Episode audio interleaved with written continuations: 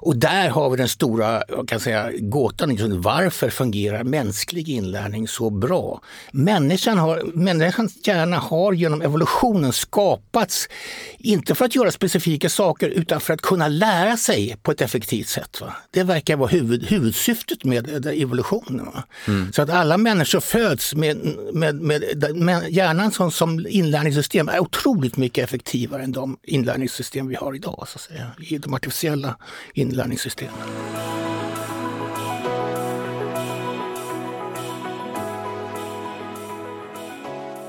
AI, artificiell intelligens, vad är det? Hur används det och hur kommer det användas i framtiden? Vad innebär det för vår ekonomi, utbildning, sjukvård? Kan det hjälpa i vår politik, infrastruktur eller sociala liv? Är AI ofrånkomligt och en naturlig evolution av oss själva? Jag som nyfiken medborgare ska försöka ta reda på svaret genom att träffa de främsta experterna i ämnet. Välkommen till AI-podden. Jag heter Jojje Borssén.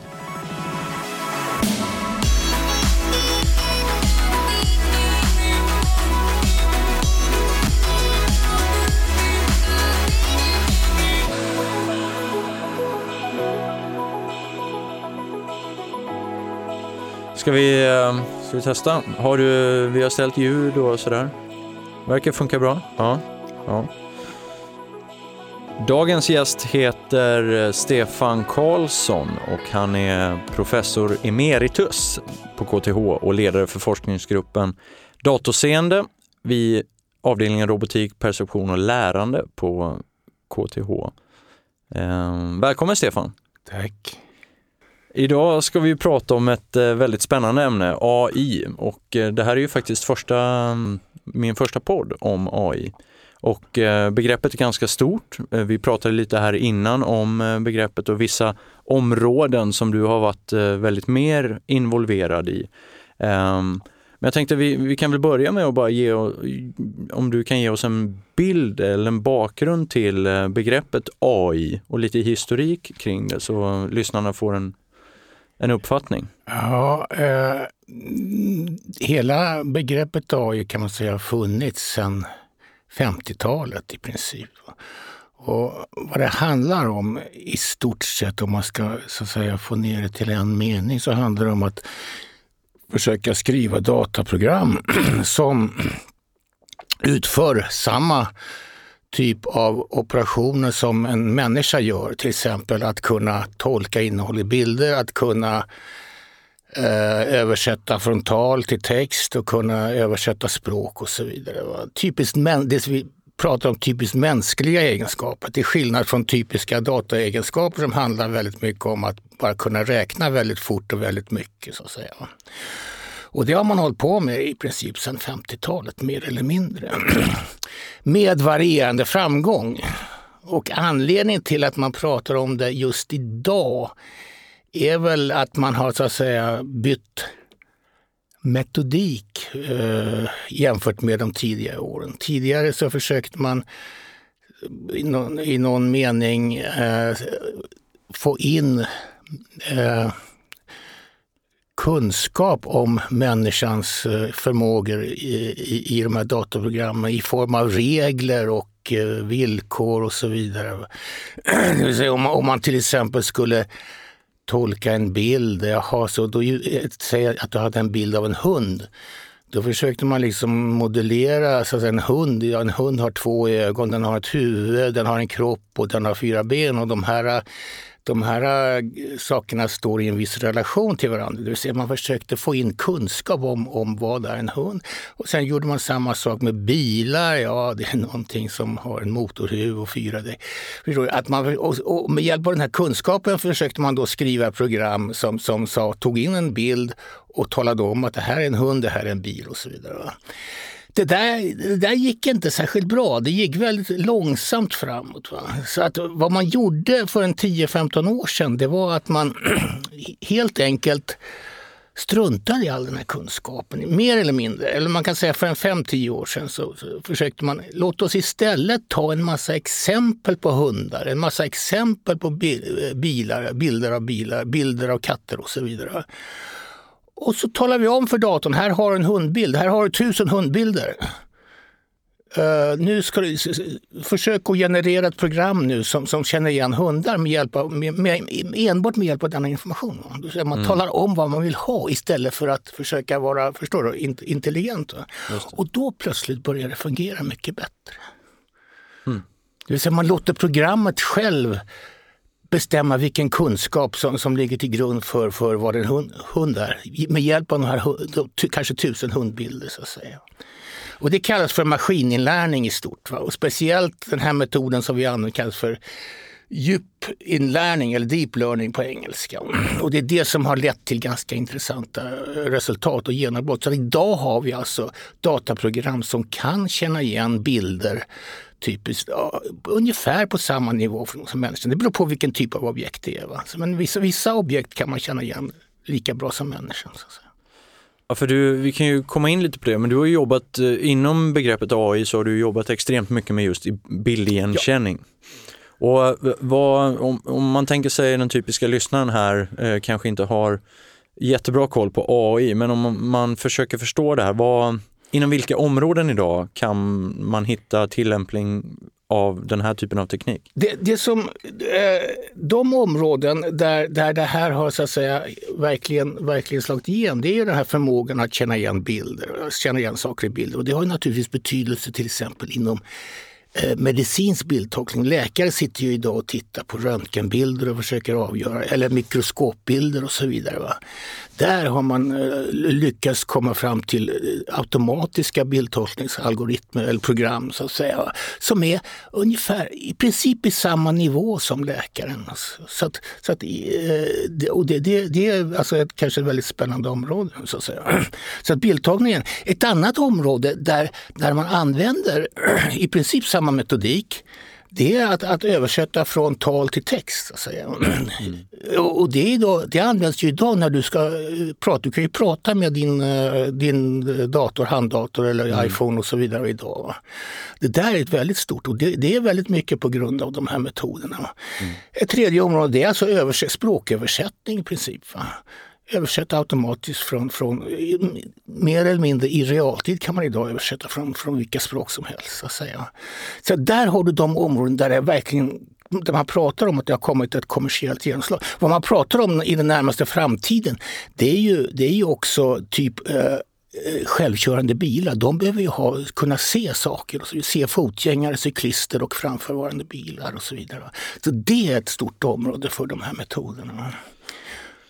Eh, och just gällande bildigenkänning, om vi, om, vi, kan vi, om vi bara går lite på djupet på det. Hur tränar man då en dator att se eh, du pratar lite om det här med eh, i mikroskop, säg att man tittar på tumörer mm. eller man tittar mm. på röntgenbilder ja. eller liknande. Ja. Hur tränar man upp? Hur, är det inte samma sak att man ger den regler eller man visar den? Nej, att... man visar den en bild och en bild är ju en digital bild i det här fallet. Mm. Det vill säga det är bara en massa siffror där varje siffra anger så att säga, gråskala, hur, är det ljust eller mörkt på just den bildpunkten så att säga. Så att det är en massa siffror som går in och sen så på dessa siffror gör man då massa beräkningar. Ganska enkla beräkningar, men de är väldigt många. Mm. De här beräkningarna de, de, de beror på eh, ett, ungefär kanske 60 miljoner parametrar. Så att säga, som man, som man, och det är dessa parametrar som bestämmer vad som kommer ut ur det här nätverket.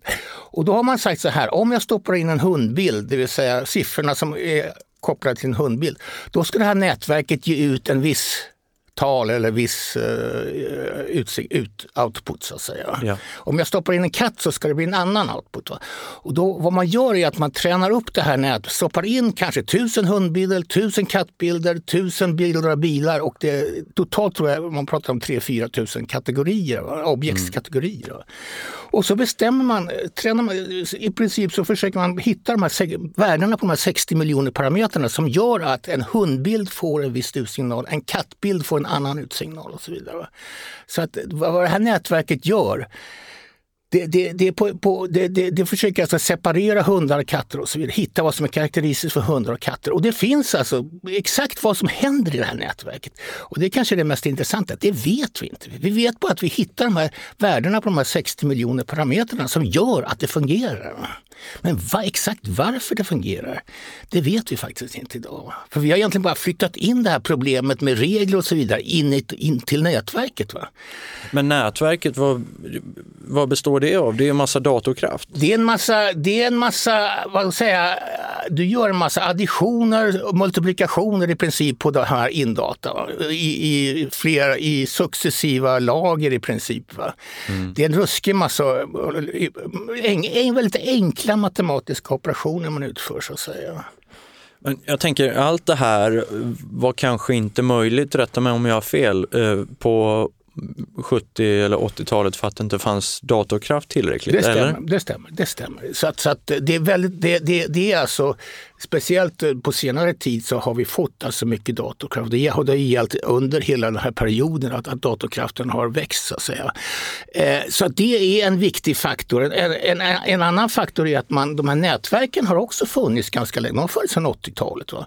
Men de har inte fungerat lika bra. Men genom att man så att säga gjorde dem väldigt stora. Va? De kanske innehöll kanske bara tusen parametrar tidigare. Nu är det alltså miljon, miljontals parametrar. Va? Man skalar alltså upp de här nätverken. Men jag tror att den stora, den stora anledningen till att, att det här fungerar, det var att man för en tio år sedan, i och med att internet växte så kraftigt, så, säga, va, så började det komma väldigt mycket data, digital data naturligtvis på internet. Så att säga. Och då började man bygga upp stora databaser så att säga, av bilder där man satte, man satte, så att säga, man satte studenter att, att, att man gav studenter en bild och så bad man tala om vad som finns i bilden, tala om exakt var i bilden det här, om det här är en cykel, det här är en cykel i det här hörnet av bilden och så vidare. Rita en rektangel runt cykeln. Så man byggde upp en jättestor databas av, av dessa bilder, cyklar, bilar, hundar, katter och så vidare. Va? Kanske 10 miljoner bilder så att säga. Va? Och det var de, de databaserna som visade sig vara det väsentliga. Så att säga. För det här handlar om att ha mycket data, så kallat annoterat data, det vill säga att någon har talat om vad som finns i bilden. Så att säga. Mm. Så att i och med att man har dessa stora datamängder så fick man de här nätverken, nätverk, djup, djupinlärningsmetoderna att fungera. Och det, det är den huvudsakliga nyckeln till den här framgången enligt min mening. Och då, om jag ska försöka lyfta ner det där på konsumentnivå, så om man googlar idag och så googlar man på färger. Ja. Det måste ju vara ungefär samma sak, tänker jag. Om du tänker att du googlar, du, vill, du söker en bil, ja. men så vill du, bild, så vill du färggoogla det, så kan du bara söka på svart bil, så får du upp bara svarta bilar. det eh, måste ju vara du någon kan form av... bil, svart bil, om du söker på svart bil så får du säkert upp Ja, då får jag upp samma sak, men jag kanske vill söka på bil och sen, ja, jag vet att man kan färggoogla, men det innebär ju att någonstans måste ju all den här datan då den måste ju gås igenom, så visar den bara bilder på svarta bilar. Ja, eh, jag är inte riktigt säker på vad du är ute efter. Så att, säga. Eh. att det var samma typ av teknik, att någon, alltså, det måste vara någon form av AI-teknik som gör att man, eller någon intelligens som säger att men, nu visar jag bara svarta bilar. Ja, du kan säkert, det, går, det går säkert att göra även i de här nätverken så att säga. Det, eh, men men, men det, bilar har ju mera det är mer än så som karaktäriserar en, en bil, så att säga, just färgen. Så att, så att du kan säkert stänga av de här nätverken och säga okej, okay, jag vill bara ha ut svarta bilar och så vidare. Ge mig bara svarta bilar eller gröna bilar. Eller ja, vad som... vi, vi släpper den punkten. Okay.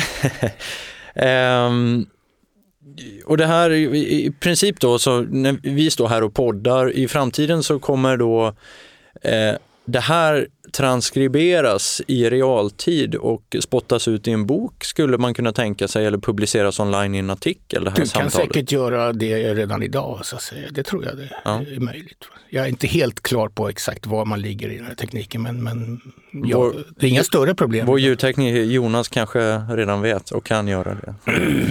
um, vi, pr vi pratade lite om det här med uh, deep learning och, och, det finns ju vissa begrepp inom AI som uh, som hela tiden återkommer när man läser om AI. Eh, deep learning är ett sånt som eh, du pratade om. Eh, robotik har du pratat lite om. Vad, vad innebär robotik?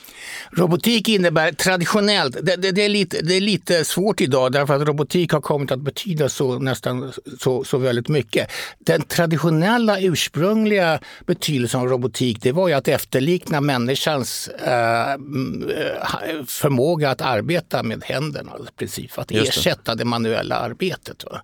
Det vill säga du såg industriarbetare som stod och, och lyfte och gjorde i princip samma moment hela tiden. Va? Och det, har ju, det är vad som har hänt så att säga, i och med att du har industrirobotar idag. Men de är väldigt begränsade så att säga. De, de har ingen, i allmänhet ingen perceptionsförmåga. Eh, så det, det, är den traditionella eh, robotikproblemet och det kan också handla kanske om att, att, att styra fordon och så vidare. Så, så, sådana saker. Va? I, idag så, så kallar man nästan allting som har med att göra med programmering för robotik. Av någon mm. anledning som jag inte riktigt begriper, men så, så är det. Och där, ju, där finns det ju, det är kanske där den här eh, domedagsprofetian eh, uppkommer lite ifrån, tänker jag, när, när man ser, när man googlar Boston, Boston Dynamics och så tittar man på en robot som mm. efterliknar en människa i sina rörelser och ja. kanske gör volter och sådär. Ja.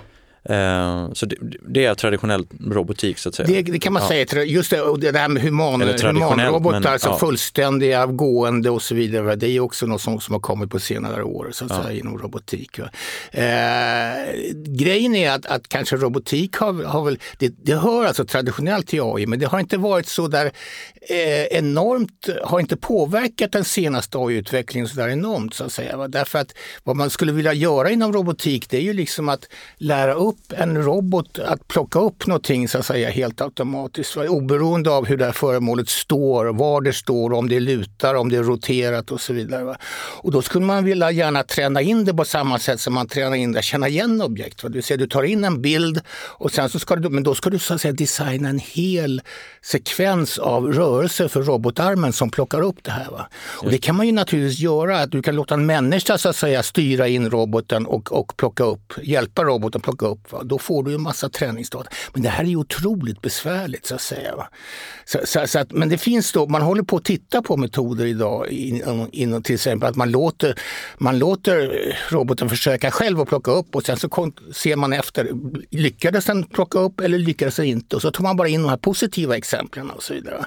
Så man har haft robotar som har stått i veckor dygnet runt så att säga och försökt plocka upp föremål. Och så har man registrerat, har det lyckats eller inte? Och då, då har man skapat de här träningsdata och kan man då använda de här deep learning-algoritmerna. Men det är alltså ett väldigt mer, mer komplicerat problem. Va? Därför att en utsignal handlar inte bara om att säga det här är hund eller katt, utan nu ska du designa en hel sekvens mm. av rörelser. Men vi har, eh, någonstans så verkar det som att vi, människan har blivit besatt av att eh, sätta ben, armar och Eh, huvud på de här robotarna för att efterlikna eller på något sätt försöka göra oss en, jo, det, en klon av oss själva? Det är det traditionella robotikproblemet, att efterlikna människan i alla avseenden. Precis speciellt den fysiska, fysiska människan, alltså människans fysiska förmågor så att säga. Och, och, det finns ju också, man kan också argumentera att om man vill verkligen få in, lära upp så att säga, mänsklig kunskap så kanske man måste ha det som kallas för, på engelska kallas det för embodiment, det vill säga att man måste bygga en hel robot med, eh, för, för att överhuvudtaget lära sig allting som en människa kan lära. Till exempel social interaktion, att växelverka mellan människor. Hur gör man det om man inte har... Förstår du? Va? Ja. Så att det är väldigt populärt att åtminstone bygga robothuvuden idag va, som kan prata med människor. Va? Men kanske man måste till och med bygga hela människor för att få in så att säga riktigt mänsklig, mänskliga förmågor i de här artificiella intelligenserna. Så att säga. Mm. Finns det något annat område inom AI? Det finns ju vissa sådana här punkter, men finns det något annat område som, som du tycker är väldigt spännande här? Alltså av de, eh, så att säga, eh, man pratar om planering, ne neurala nätverk, kognitiva system. Um... Det som är intressant med, eh, som, som jag sa, det som är intressant med de här nya eh, djupinlärnings eller deep learning-algoritmerna, det är ju just det att de är, de är så, alltså oberoende om du har bilder eller tal eller vad det kan vara text, så är det samma typ av nätverk, i princip samma typ av nätverk du använder, men det är bara olika data du stoppar in. Det kan vara bilder eller tal och så vidare. Och så får du ett, ett, ett nätverk som fungerar. Och, då, det verkar, och det verkar som, då kan man ju fråga sig, kanske det gäller all mänsklig intellektuell aktivitet? Det är otroligt mycket jag kan säga, mänsklig aktivitet som intellektuell aktivitet som går ut på att du tar in information och fattar ett beslut. Va? Och det är egentligen det man gör när man känner igen en bild. Och kanske det här kan tillämpas på i princip vad som helst som människan gör. Mm. Och då plötsligt börjar det bli intressant. Det är därför det är så otroligt intressant idag. Till, till exempel att en läkare idag tar ju in en massa information om patienten. Olika mätningar, blodtryck eh, och så hjärt, hjärt, eh, puls och så vidare. Men, men kanske till och med också hela DNA-sekvenser för människan. Va? Och på, på grund av det, på basering, baserat på detta fattar läkaren ett beslut. Så att säga. Va? Eller till exempel ekonomi, ekonomi. En bank idag tar in information om kunden. Ska den här kunden ha ett lån eller inte? Och så vidare. Va? Men det handlar väldigt mycket om det du säger. Det handlar väldigt mycket om att du, du, du måste alltid stoppa in något. Du måste alltid stoppa in data, kvalificerad data. Detta. I läkarfallet så måste du alltså stoppa in historiska data på läkare har använt den här informationen och ställt den här diagnosen och den gav det här resultatet. så att säga. Mm. Den gav upp på den här behandlingen som gav det här resultatet. Så det handlar om att ha kunnat spara väldigt mycket data tidigare. Det handlar i princip hela tiden om, och det är väldigt viktigt, att i princip kopiera mänskliga, för den här data de kommer från människor, de kommer från mänskliga experter. Va? Så vad gör är i princip att vi tankar ner mänsklig, mänskliga förmågor i de här djupinlärningsprogrammen. I princip, va? Det, det är vad vi Och det går blixtsnabbt? Det går i början när man kom för en tre, fyra år sedan så tog det två veckor att träna upp den här. Idag är vi kanske nere på timmar eller dygn. Så att säga. Mm. Så, så, så, men det går snabbt sen när du ska så att säga, använda dem. Va? Det, nu pratar jag om träningen, när man ska lära upp de här nätverken. Va? Men sen när man kommer in med en bild så att säga, och säger är det här en hund eller katt, då går det lika snabbt som, som mänskliga hjärnan. Så att säga. Eh, och på det ämnet, så, bara för att droppa lite tankar här för att se vad du säger, men man skulle i princip kunna bara säga att det är en AI-enhet, eh, skapa en världshit, en musiklåt. Ja. Och sen har man kategoriserat då, kategoriserat kanske upp eh, senaste tusen hitsen. Ja, nu pratar, du, nu pratar du om lite, det här är ett intressant område i sig. Nu pratar du snarare om att istället för att ta eh, information eller data och, och klassificera den så vill du så att säga, gå från klassificeringen och skapa data. Förstår mm. du? Du vill ja, ha hitlåt, mm. det här är en, så här, du har en hitlåtsklassificering och så vill du i princip köra de här nätverken baklänges. Va? Du vill skapa vilka indata ger upphov till en hitlåtsklassificering så att säga. Ja. Det är det som... Och är det, det möjligt? Det, det, det är ganska intressant för det är precis vad folk håller på med idag. faktiskt. Jag, har inte, jag känner inte till exakt hur, hur det står till på musikområdet, va? men jag kan tänka mig att det är många. Men, men de senaste, senaste två åren så har det hänt väldigt mycket på det här. Så att idag försöker man till exempel skapa eh, bilder till exempel va? Som, som, som, som klassificeras på ett visst sätt. Bilder av hundar eller hela stadsmiljöer i princip. Va? Och man har kommit så långt att idag kan du så att säga, ska, genom att köra de här nätverken baklänges så kan du skapa till exempel en bild av en stad som, där, där, där har hus och gator, bilar, allting ser fotorealistiskt ut. Va? Mm. Men det ingen, finns ingen stad som, är, som motsvarar den här bilden. Faktum, Därför, är, faktum är att jag har sett exempel på, jag såg något exempel på när en AI-enhet hade, hade, hade skapat sex stycken ansikten. Ja. Eh, som jag tyckte jag kände igen. Ja.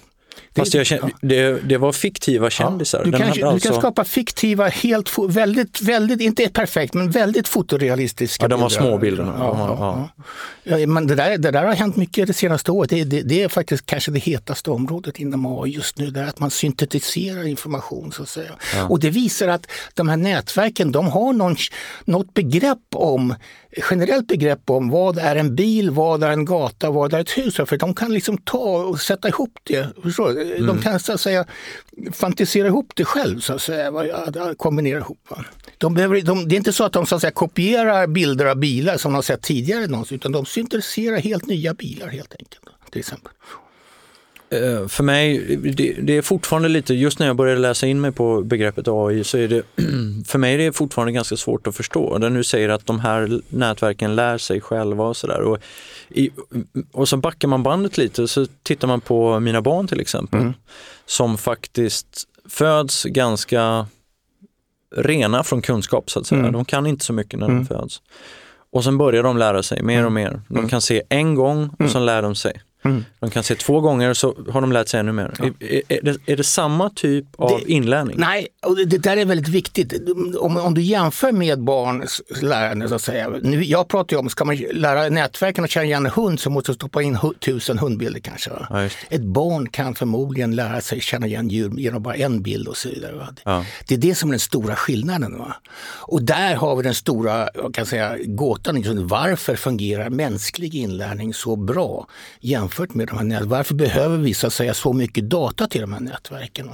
Det är en av de stora eh, frågeställningarna som man, som man brottas med. Det verkar som evolution, mänskliga hjärnan är ju resultatet av ett antal miljarders års evolution. Va?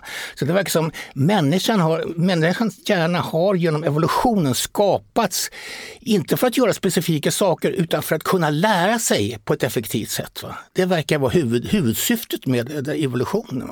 Mm. Så att alla människor föds med, med med, med hjärnan som, som inlärningssystem är otroligt mycket effektivare än de inlärningssystem vi har idag, så att säga, i de artificiella inlärningssystemen. Det, det blir nästan som en filosofisk fråga till slut när man eh, börjar tänka på eh, hur, hur, du framställer det nu, att, hur vi är skapade. Jo, visst, visst, visst, visst, Varje människa går omkring med en super, super intelligent dator. Ja, som... men, och, just det, och det handlar ju om att, att det gör att vi är väldigt, också väldigt flexibla så att säga, i den meningen att vi är inte hård hårdkodade så att säga för att göra saker och ting. Utan vi är väldigt flexibla och det är det som karaktäriserar människan. Och det verk, men det är evolutionen som har upp, uppenbarligen upptäckt att detta är det bästa sättet att för människor att överleva. Att skapa väldigt flexibla inlärningssystem så att säga, som, som, som gör att människan kan i princip adapteras till olika miljöer väldigt effektivt. så att säga. Och det, det, skapar, det, det leder till överlevnad. Och det är vad evolution handlar om. Wow, eh, vi fortsätter här och försöka eh, nästa ut grejer. Eh, det finns ju många av de stora, världens största bolag idag har investerat och investerar nu när vi pratar väldigt mycket pengar i det här området. Och vi, jag menar, vi, vi, har nämnt några exempel här, självkörande bilar, givetvis Volvo, Google, Amazon, Spotify, mm. Facebook, IBM, Intel. Alla har AI-enheter eller AI-avdelningar idag som jobbar med det här. Mm. Um, varför det? Ja, det, är, det är därför att man ser liksom att här ligger eh, hela, du ser, självkörande bilar så att säga. Det är ju, det är ju hela bilindustrins framtid va, överhuvudtaget. Det är en enorm, det är enorma marknader det handlar om. Hela, hela, hela bilmarknaden så att säga. Jag vet inte mycket. Men eh, också hela, vad det handlar om också väldigt mycket, de som är aktiva här det är Google och Facebook och de här dataföretagen va, som typiskt jobbar mot internet hela tiden. Så att säga. Det handlar om att kontrollen över internet också väldigt mycket. Va. Det vill säga nästa generation sökmotor ska i princip vara så att ett, en, en, som en intelligent människa som du kan konversera med, va, med vanligt tal så att säga. Va? Det vill säga du ska inte behöva vara avancerad. Idag måste du sitta och söka, du får upp kanske 50 olika svar och så ska du, förstår du? Va? Sen ja. har tillbringa hela förmiddagen med att sortera upp de svaren och så vidare. Eh, så, så, att eh, det, det är där som, där ligger också stora pengar. Det handlar om nästa Google i princip, va? eller nästa Facebook. Va? Det är det det handlar om. Va? Och mm. de är ju, Google är ju det är de största företagen vi har i världen idag. Mm. Så att det, är inte, det är inte särskilt konstigt att du har den här aktiviteten bland de här stora bo bolagen. Så att säga. Och eh, då kommer vi till nästa fråga. Finns det en, finns det en risk med det här? Att vi håller på att utveckla det här i så snabb takt? Det, fin det finns naturligtvis risker och om man tar de mest omedelbara riskerna som man kan se idag, det är ju, det är ju eh, till exempel, du det här vi pratade om här med att kunna syntetisera bilder och så vidare. Idag kan man ju faktiskt eh, syntetisera eh, bilder av en viss människa. Va? Också, in, eh, får jag fråga, säga, syntetisera? Äh, för, förlåt. Att, att, att skapa i princip en videosekvens av en människa som säger det du vill att den ska säga och prata med sin egen röst. Så att säga. Man kan ja. alltså kopiera den rösten. Det är fullt möjligt idag. Det har man gjort till exempel med, med, med Barack Obama till exempel. Och då, då, det skapar ju otroliga problem så att säga för, för vad, vad är rätt och vad, vad, är det här sant eller inte? Hela ja, sanningsproblematiken som, som, eh, som, som kommer in.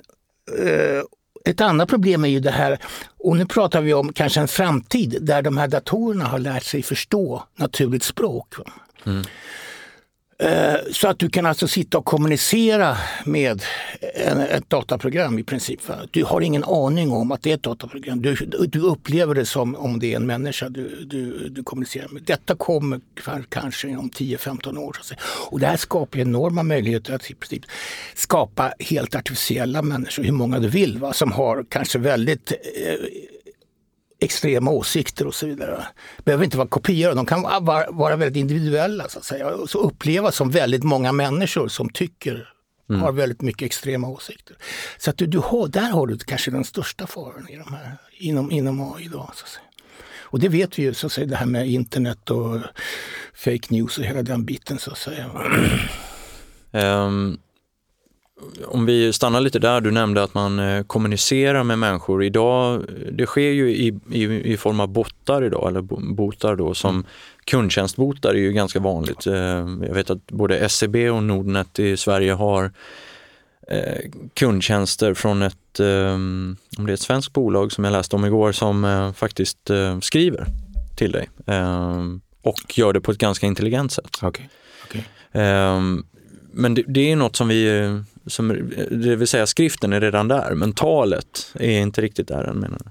Nej, eh, eh, vad, vad, problemet är väl också, även om du har skrift så att säga, så handlar det om väldigt mycket om att eh, om du vill kommunicera med de här bottarna, så, så att få den att förstå Mm. skrift. Skrift eller tal är inte sådär jättestor skillnad, för tal till skrift bör vara, är ganska hyfsat. Eh, jag, jag, är inte helt säker på hur bra det är, så att säga, men, men, men det kommer att vara perfekt inom tio år. Mm.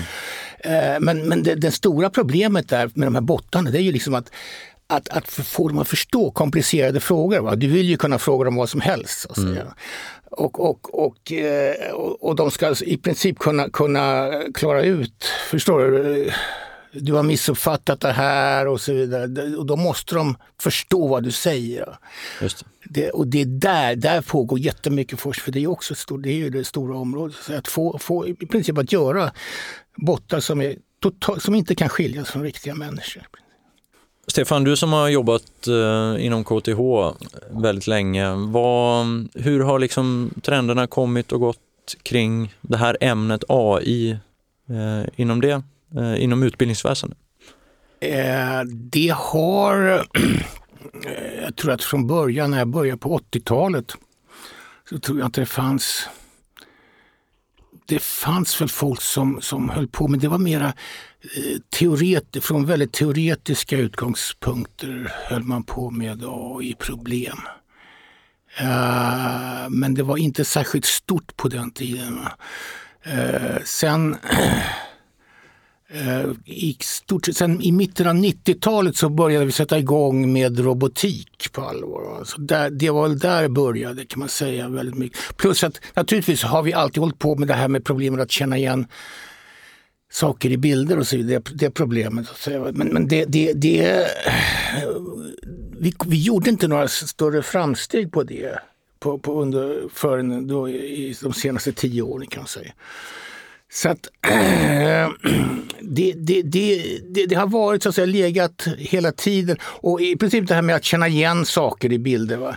Det, var så, det var så svårt så att vi närmast la av med den verksamheten under 90-talet och, och började introducera oss från, med, för andra problem, typ att bygga upp tredimensionella modeller och sådana saker från många bilder, sätta ihop många bilder och bygga, bygga 3D och sådana saker. Det höll vi på med mycket på 90-talet. I princip därför att vi, vi, vi, vi visste inte hur man skulle göra framsteg inom det här igenkänningsproblemet. Så det, kom i, det var i stort sett i och med att de här deep learning-metoderna kom för en 5-10 år sedan så att säga, som, som vi började, kunde sätta igång ordentligt. Va? Men hade ni redan på 80-talet visionen om att bildigenkänning och den forskning ni bedrev eh, skulle leda till självkörande bilar ändå? Ja, det var, det var definitivt. Det var, det var den visionen vi hade. Det var bara det att vi, vi, vi kom inte särskilt långt. Så. Vad sa folk när ni sa så? Att, att vi tänker ja, lösa de det här sa väl, Vi sa väl ja, ja, det här ligger i framtiden. Det här ligger 20-30 år i framtiden. Va? Eller minst 30 år. För att, eh, så att vi, jag, vi, jag höll på redan på, i slutet av 80-talet höll jag på med till exempel att vi satte kameror på bilar och, och spelade in video och så kunde vi så att säga, hitta saker. Om det låg någonting mitt i vägen så kunde jag detektera det. Så att säga. Inte i realtid, men, men, men om jag fick bara tid på mig så att säga, med datorn. Så Och det är att- det som sitter i en Volvo idag? Om du... Inte kanske just de algoritmerna. Va? Nu har man andra algoritmer, men vi var inne på det spåret så att säga, Ja. redan, redan då. Så, så att, eh, men men eh, idag är man betydligt mer framgångsrik tack vare de här deep learning-algoritmerna. Ehm, och när skulle du säga AI, jag menar en anledning till att vi står där idag och pratar Mm. artificiell intelligens i en, en podcast om just AI, Mm. det är ju faktiskt att det här har ju bubblat upp de sista åren har ju det här blivit extremt hett Mm. och bara sista året har ju det här totalt exploderat. Mm. Och jag som vanlig medborgare eh, tycker det här är jätteintressant. Ja. När skulle du säga liksom var det stora genombrottet? Det var i eh, oktober 2012 kan man säga. Ja, vad hände då? då eh, presenterades, det, det är så här, vi, eh, vi har alltid eh, man har haft tävling, det här med att känna igen saker i bilder. Där har man alltid varje år, sen, mitt, sen eh, början av 2000-talet, har man haft tävlingar där folk har fått skicka in programvara.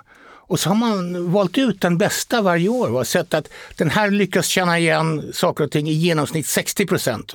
Sen nästa år kanske 62 procent. Förstår du? va? Ja. Det var ett, på ett eller två eller tre procent varje år eh, förbättring av den bästa programvaran som fanns. 2012 så presenterade från, kom det från University of Toronto en programvara som baserade sig på deep learning för första gången. Och då istället för att få 2 eller 3 procents förbättring så blev det 15 procents förbättring. På, ja, Okej. Och det fortsatte de följande åren i princip. Och där, så du kan alltså, jag, kan, jag vet precis exakt när det här presenterades. Jag var med i det, i det, vid den presentationen. Så att säga. Så Vad kan, tänkte du då?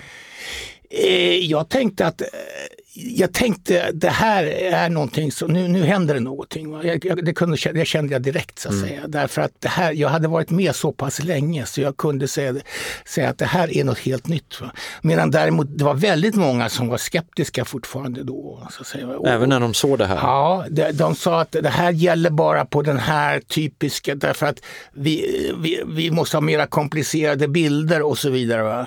De här bilderna är för enkla och, och sådana saker. Var mycket den typen av resonemang. Va? Skeptisk. Det här är bara en dagslända, det kommer liksom inte överleva. Men man gjorde, det visade sig året efter så, så lyckas man få eh, lyckas man få det att fungera på ännu mer kom, kompl- komplicerade bilder.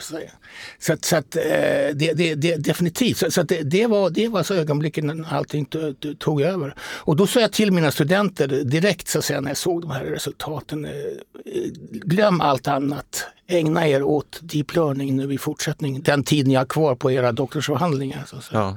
Och det gjorde att, att, att eh, vi redan efter, under 2014 när, så, släpptes, så släpptes, det, släpptes den här programvaran för deep learning, träna, träna deep learning, den släpptes lös av, av eh, vissa universitet som var inblandade.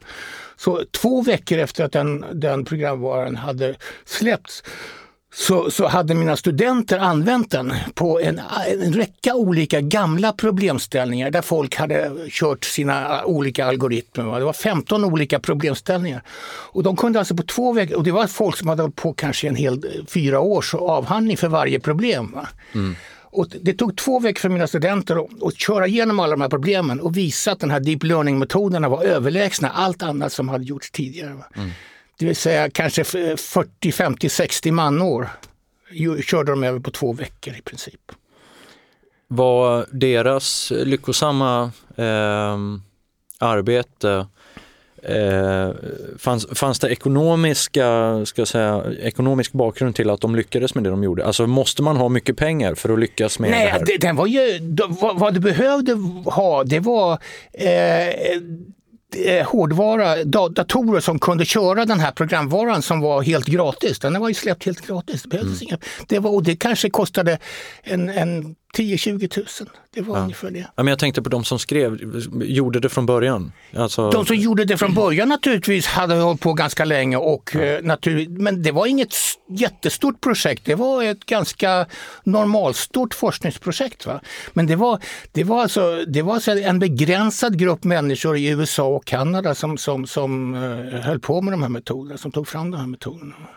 Om vi, om vi backar lite bara, vi har snöat in ganska mycket, vi har pratat extremt mycket om det här med bildigenkänning mm. i, och, och, jag vill på något sätt försöka reda ut varför det, det ämnet är så intressant inom AI. För just, och jag, och jag vill fråga dig då, bildigenkänning det är ju på något sätt, det ska ju eh, eh, ska man säga, efterlikna våra ögon och det mm. vi ser och den information vi kan ta in och mm. vad vi kan göra med den. Stämmer det? Mm. Det vill säga, väldigt mycket av det som efterliknar människans sätt att eh, ja, vara, göra framförallt, det bygger på att vi ser. Och det är därför det här är så intressant. Ja, det kan man säga. Det, alltså, seendet är ju en, en typisk mänsklig egenskap. Va? Och det, vad, man, vad man har försökt leta efter i artificiell intelligens det är ju de här typiska mänskliga som är karaktäristiska för människan. Va?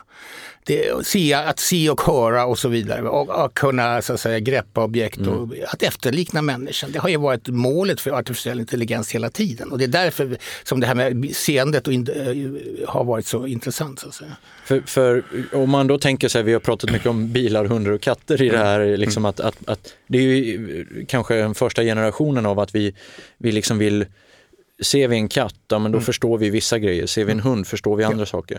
Ser vi i framtiden eh, ett problem i trafiken eller en, en, eh, social situation som håller på att balla ur, mm. då kan man ta beslut ja. utifrån det. Ja. Så allting handlar ju om att se, uppfattning, ja. perception. Ja, jag, skulle, jag skulle inte påstå att allting handlar om att se, men, men mycket handlar om att se. Och, och, och om du tittar på mänskliga hjärnan så är en stor del av hjärnan är så att säga dedikerad till att just seendet. Så att säga. Mm. Så att äh, det stämmer och det, det, är väl därför som, som det anses äh, intressant. Men, men det finns naturligtvis, jag tror att de stora, det stora återstående problemet som, som jag ser inom AI, det är väl snarare kanske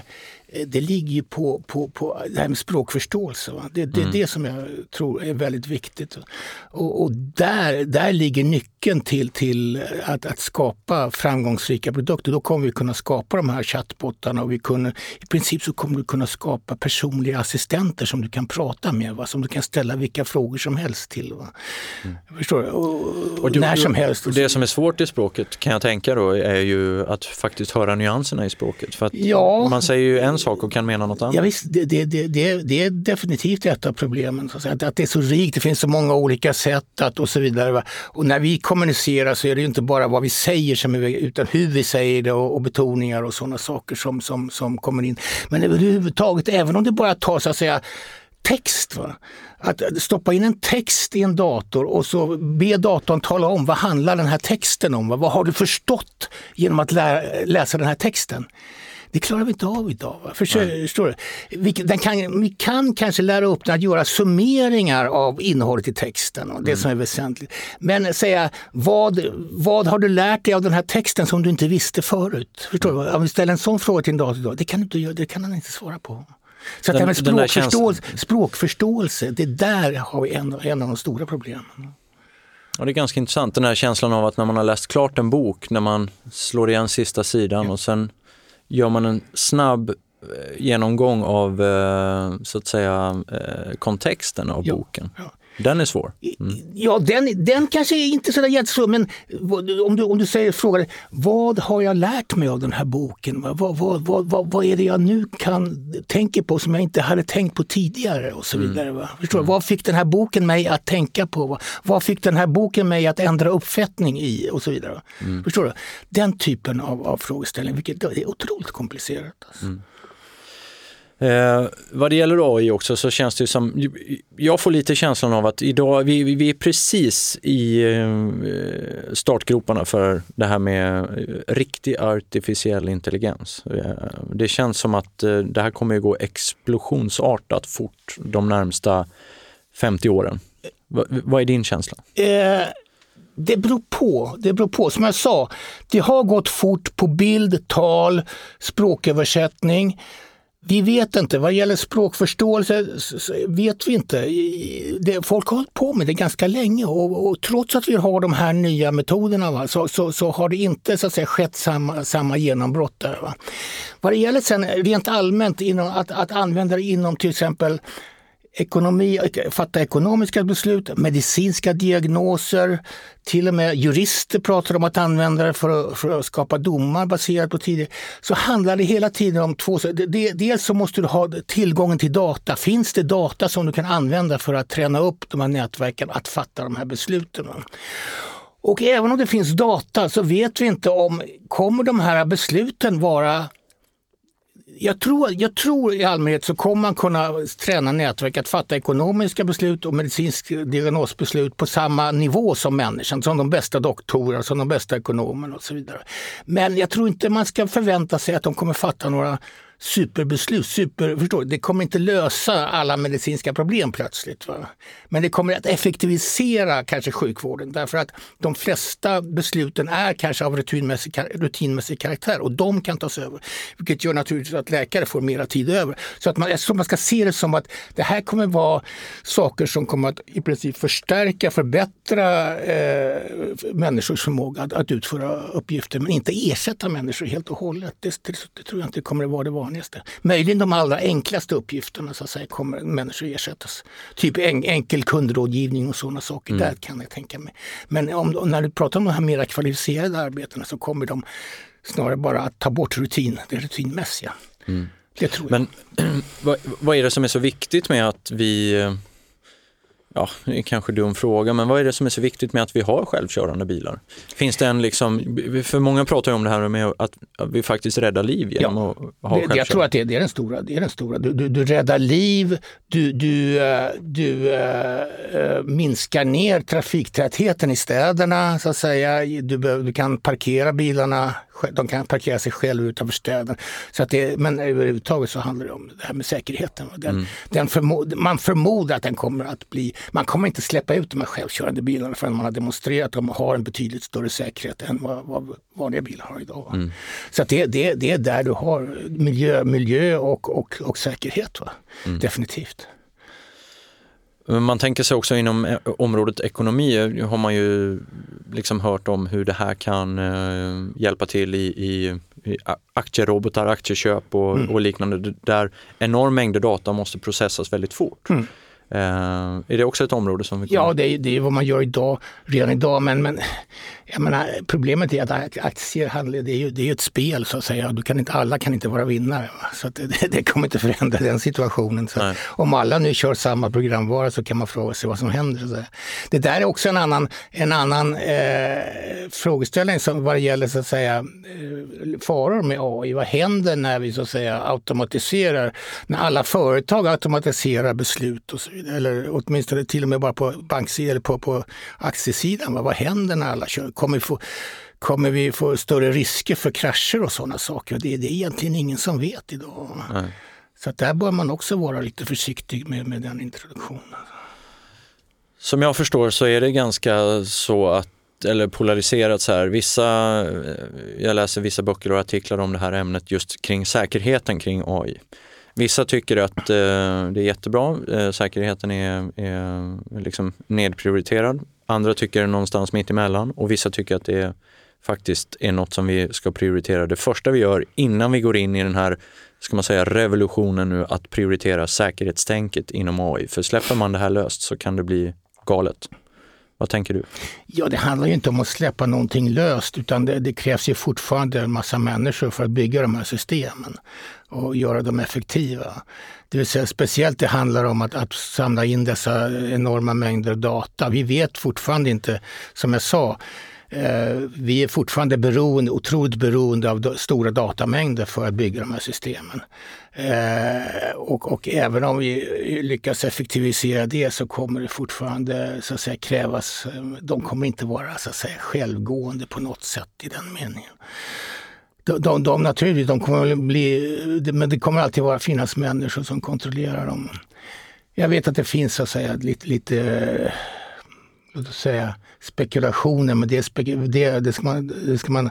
Idag finns det inget som tyder på att det skulle vara no, att vi skulle kunna bygga någonting som är farligt. Naturligtvis om vi går in för det, till exempel att bygga mördarrobotar och så vidare, va, så kommer naturligtvis det.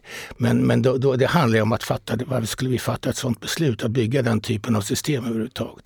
Mm. Vi, vi, vi, så, så att jag, jag, ser ingen större fara.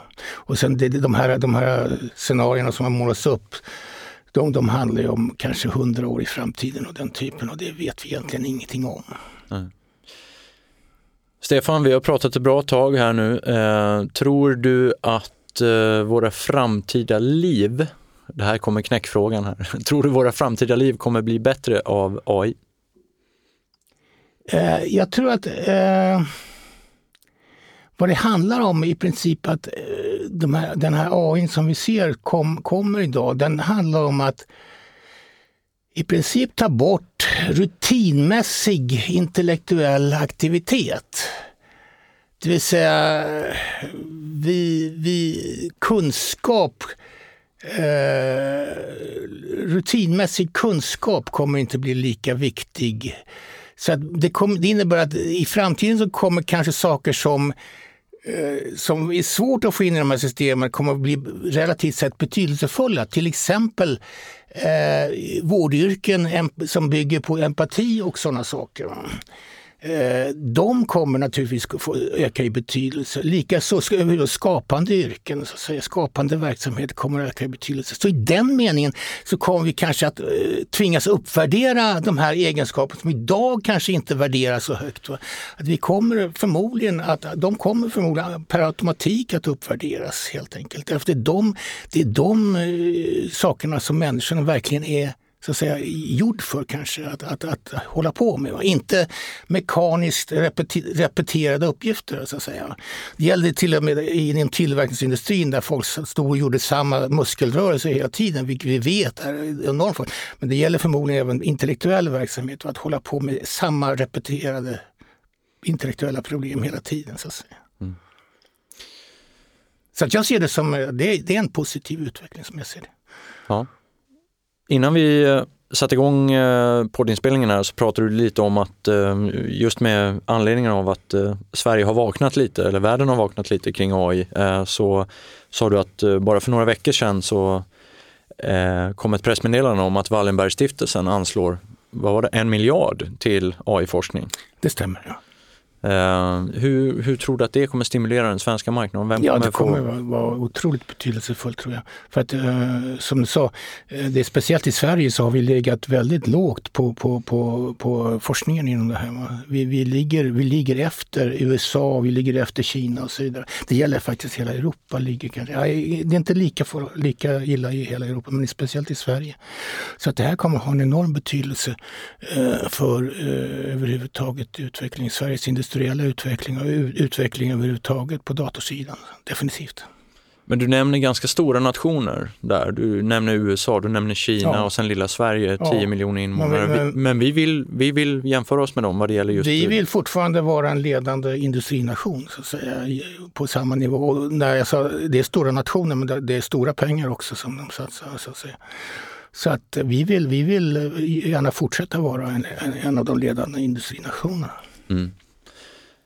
Stefan, tack så jättemycket för att du kom till AI-podden. Är det något som eh, du vill tillägga innan vi avrundar? Nej, jag har egentligen jag tror jag har fått med det mesta. Hur kan man följa dig och, och var, var, finns du så att säga? Finns du på sociala kanaler och liknande? Eller ja, vi, vi, vi håller bara på, på KTH? Som jag sa, vi håller på att bygga upp eh, en, en, grupp nu och, och kommer förmodligen att synas mer och mer, speciellt nästa år när, när, när vi förhoppningsvis har flera studenter mm. och så vidare. Så att eh, just nu så är vi inte så där jättesynliga. Kan man säga. Bra, vi hoppas vi kan eh, hitta Stefan där ute i mediebruset och att det kommer skrivas och eh, rapporteras mycket inom det här området och att då Stefan finns med i de eh, looparna. Tack för att ni lyssnade på AI-podden.